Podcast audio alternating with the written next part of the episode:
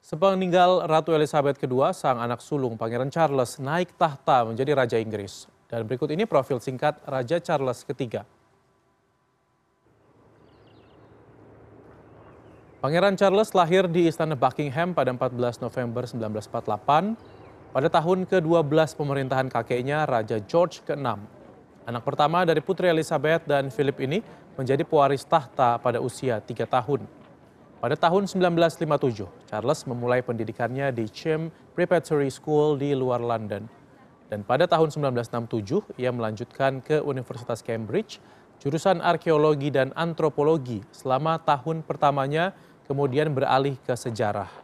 Ia lulus pada tahun 1970 dengan gelar tidak istimewa.